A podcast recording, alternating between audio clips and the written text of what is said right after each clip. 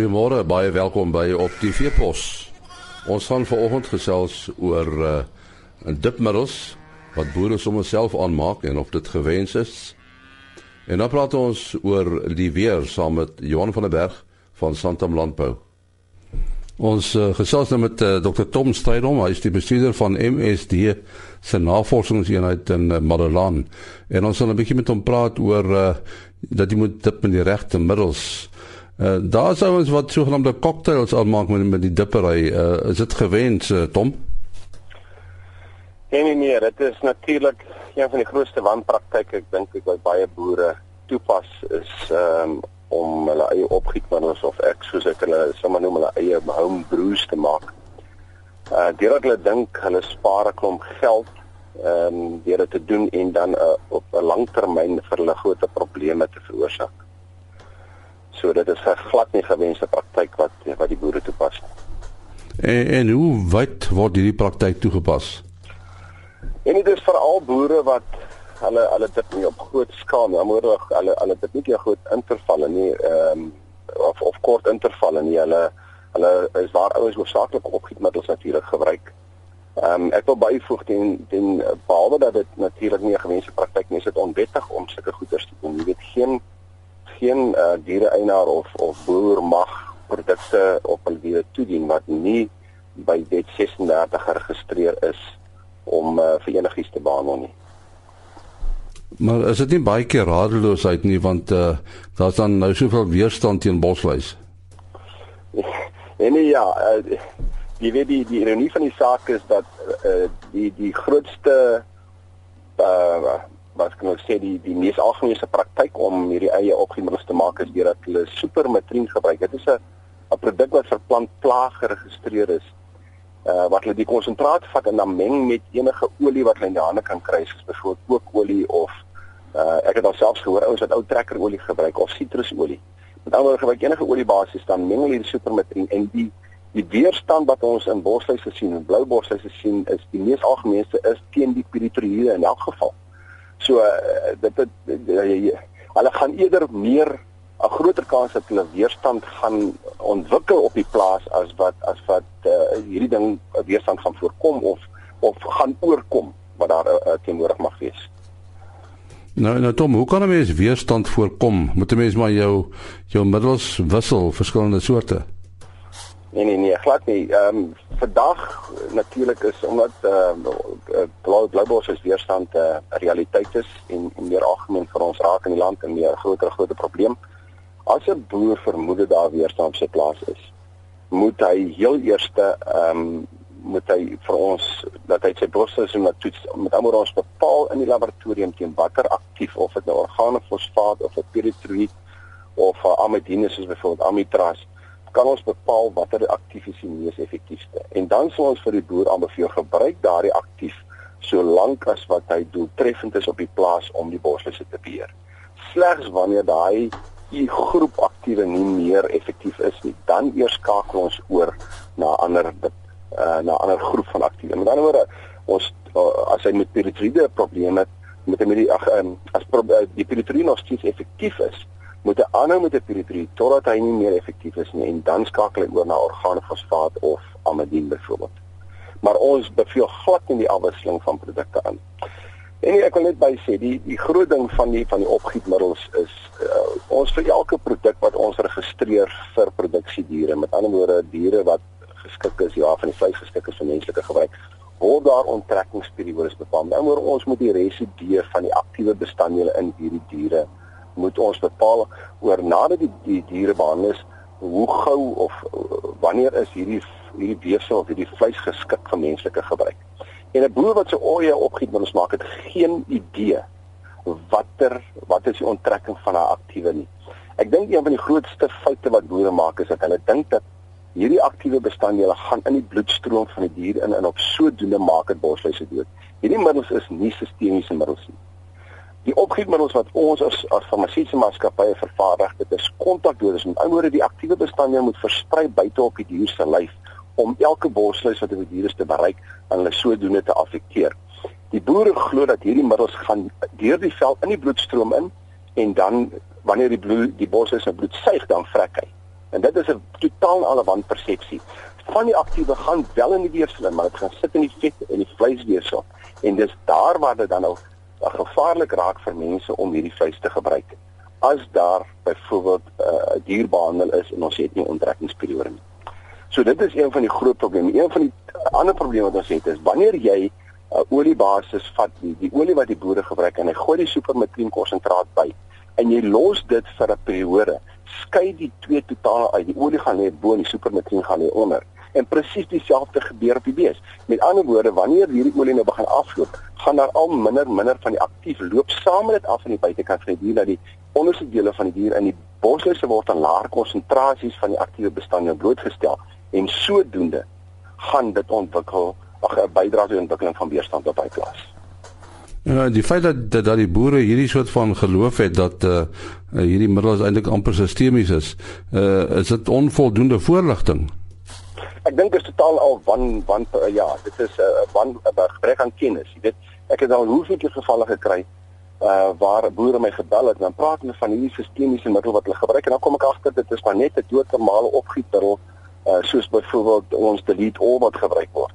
Ehm um, en afglo dat hierdie goeders werk sistemies. Dit is dit is kontakdoders en hierdie middels word geformuleer. Hulle het verskillende adjuvante in en draers om te help met die verspreiding van die aktiewe bestanddele buite op die dies.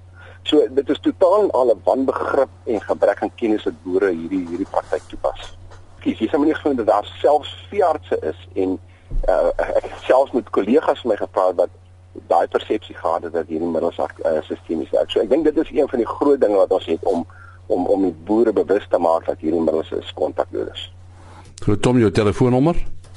Uh nee, hulle kan my skakel by 083 261 5891. Dit is my selnommer of by die kantoor by 013 792 4518. Baie dankie dokter Tom Seidom. Hy is die bestuurder by MSD se navorsingseenheid in Marula. Net vir daai selnommer 0832615891. Nou gesels ons met uh, Johan van der Berg van Santam Landbou en uh, ons praat oor die weer. Uh, dit is uh, Julie maand tradisioneel eintlik uh, ja die middel van die winter, maar dis nie die koudste deel van die winter nie. Dis asof die winter eers 'n bietjie later kouer word as ek reg.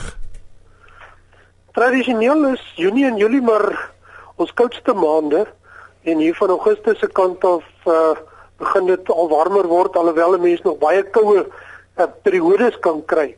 Maar jou konstante koue periodes is maar hier rondom Junie en Julie. Uh wat nogal interessant is vanjaar dat ons uh veral hier oor die sentraal of al die suid suidelike sentrale dele van die land het ons in Junie het ons twee of drie keer reën gehad. Uh, plekke soos Bloemfontein het byvoorbeeld 'n week gelede hier rondom 20 mm reën gehad. Uh wat uh, waar die langtermyn gemiddelde reënval vir Junie uh baie naby aan 5-6 mm is en omtrent elke een het elke 5, 6, 7 jaar wat dit gebeur. Nou hoekom het dit gebeur dink jy? Een van die redes is ehm um, en mense kan daar's daar's waarskynlik meer as een rede.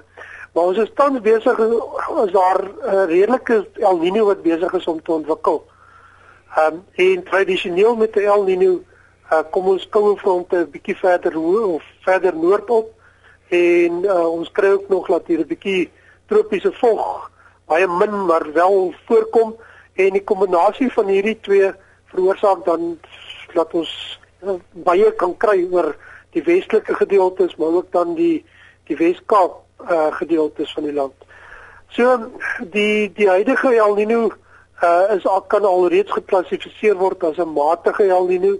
Uh dis al omtrent 50% sterker as wat hy die afgelope seisoen op die sterkste punt gewees het.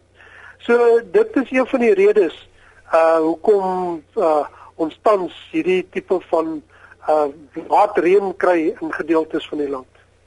En nou, watter effek gaan die El Niño hê op uh, op die somerreënvalgebied as as die winter nou verby is? Die hierdie lyk na 'n redelike tipiese El Niño.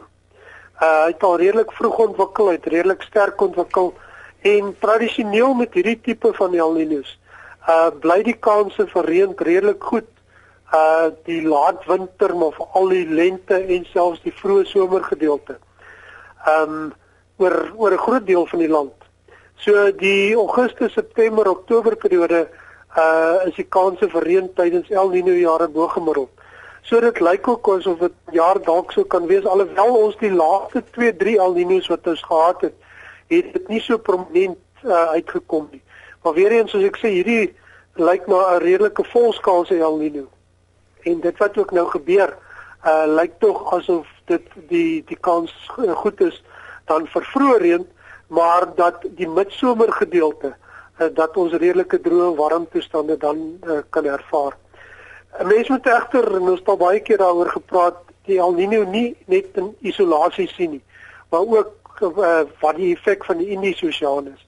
Want uh tradisioneel uh die effek van die Indiese Oseaan is hier rondom Desember, Januarie, Februarie wat baie krities is. En as die Indiese Oseaan ook warm temperature het wat tropiese siklone veroorsaak hier naby in die land, dan versterk dit eintlik die effek van El Niño. Aan die ander kant as die Indiese Oseaan redelik koel is en die tropiese siklone meer of nader aan Australië uh, of meer na die ooste kant is, dan kan dit die effek van El Niño heelwat versag. En op hierdie stadium is die voorspelbaarheid van die Indiese Oseaan baie baie swak. So mense kan nie regtig waar sê uh, tot watter uitdrukking die El Niño gaan kom nie. Nee, net weer, hoekom ontstaan die El Niño? Dit gaan daar's daar's twee faktore eintlik. Die die een wat die mees aanvaarbare teorie is, is dat die suidoos-pasaat-winde daar van Suid-Amerika se kant af wat meer waai na Asië se kant toe, verswak. So tradisioneel uh as daai winde redelik sterk waai, dan vat dit die oppervlakwater en dit versamel meer daar oor Suidoos-Asië, noord van Australië en waar waar daardie versamelde water, dis dis die warmer oppervlakwater, dan ontstaan die die reënval in daai periodes of in daardie gebiede. Tydens El Niño jare is hierdie winde baie swak en uh die die warm water of die water rondom die ewenaar bly so redelik staties en met die son wat wat uh, nader aan die ewenaar is uh of meer loodreg op die ewenaar skyn, um veroorsaak dat daardie warm water versamel dan. So op die ewenaar tussen Suid-Amerika en Australië en dit veroorsaak laagdrukstelsels en dit is dan tipies El Niño.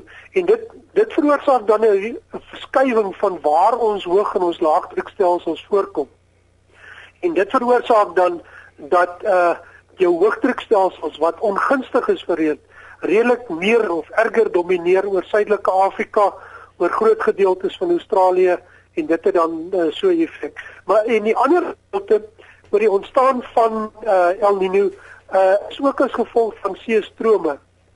Daar's baie mooi uh, websites wat vir 'n mens 'n deursnit gee tot omtrent hier op 500 meter diepte van hoe die water uh weekliks uh die warmer water begin beweeg en opbeweeg na die oppervlakte wat tans gebeur. So hierdie is nie uh daar's 'n daar's daar's 'n interaksie tussen wat die winde begin waai uh en dan ook tweedens oor die die uh, seestrome wat hierdie water na die oppervlaktes toe begin uh, opstoot. Dit was Johan van der Berg van Santam Landbou. Môreoggend is ons terug. Tot dan. Mooi loop. 啊。